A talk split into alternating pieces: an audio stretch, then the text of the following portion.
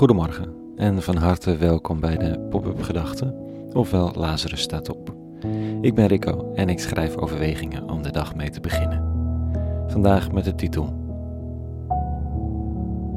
Taal van tranen. Donderdag 18 november 2021. Pop-up Gedachten.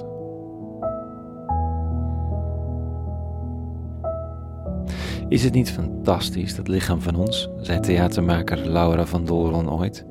Elke keer als we ons verdrietig voelen, plenkt het een beetje warm water op onze wangen. Zo had ik nog niet naar tranen gekeken, maar ik ben het niet meer vergeten. Dankjewel, Laura.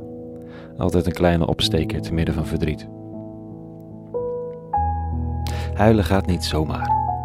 Voor kinderen nog wel, lijkt het, maar als we ouder worden, is het steeds ingewikkelder. Dat je een keer ergens boos van wordt, dat gebeurt. Verdrietig worden, zeker ook, en bang. Maar de uiting daarvan, daar hebben we toch graag een beetje controle over. Precies het tegenovergestelde van wat huilen ongeveer is. Als er tranen over je wangen lopen, is er iets gebeurd waar we geen controle over hebben. We kunnen geen traanbuisjes open en dicht zetten en we vrezen. Tenminste, sommigen van ons, dat als het eenmaal begonnen is, we het ook niet meer kunnen stoppen. Ken je die diepe tranen? Dat snotterende, hoog uithalende huilen omdat je het echt niet meer weet? Vanuit die knoop in je borst of die steen in je keel. Zo traumatisch huilen voelt het. Diep uit het binnenste van je ziel. Of een bevrijdend huilen, dat kan ook. Want hoe vaak zou je niet willen huilen, maar sta je met droge ogen en een verscheurd hart naar de regen te kijken die langs de ramen stroomt en denk je, kon ik dat maar gewoon laten stromen?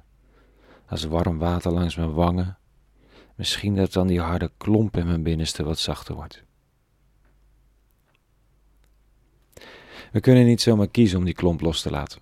En ik ben geen therapeut, al denk ik dat naast de bestaande lachtherapie en een paar huiltherapie ook een gat in de markt zouden kunnen zijn.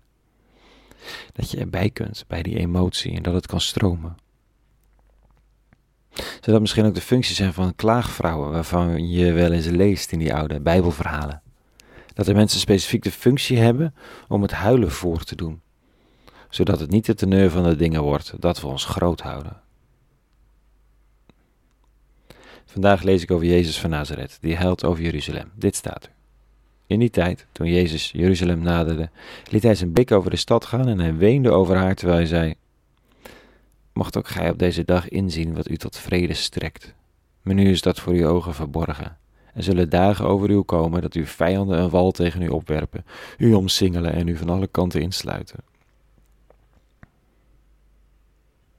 Het is een soort profetisch huilen. Ik wist niet dat het kon.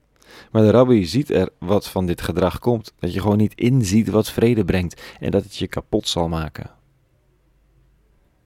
Nou, zo kan trouwens ook een vader of een moeder wel huilen over een kind. Dat het niet inziet wat het aan het doen is en je beseft dat diegene het zelf zal gaan ervaren hoe deze streus iets is. Ook een soort profetisch huilen. Punt van vanochtend. Naast de woede en de vreugde, de angst, kent de rabbi het verdriet van heel dichtbij. Als hij, als hij het beeld is van de eeuwige, dan kent de eeuwige de tranen die ons zo vaak in de keel stokken dan is er misschien de ruimte voor degene die zich dat kan voorstellen om de tranen maar te laten lopen, want het is een goddelijke gewoonte. Dat huilen om dat wat je aanvoelt komen of over het verlies van iets of iemand. Beheersing is zo'n grote waarde in onze cultuur. Terwijl verdriet dus zomaar goddelijke trekken kan hebben. Er had kunnen staan: Jezus voorzag de ellende, voelde verdriet omkomen, maar kon zich nog net beheersen en ging weer aan het werk.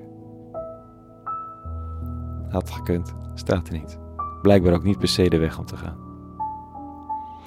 Vandaag wens ik je geen verdriet, daarvan is er genoeg in de wereld. Maar als het er is, gun ik ons het huilen, omdat we daarop zijn gemaakt, op die mogelijkheid. En dat is niet voor niets.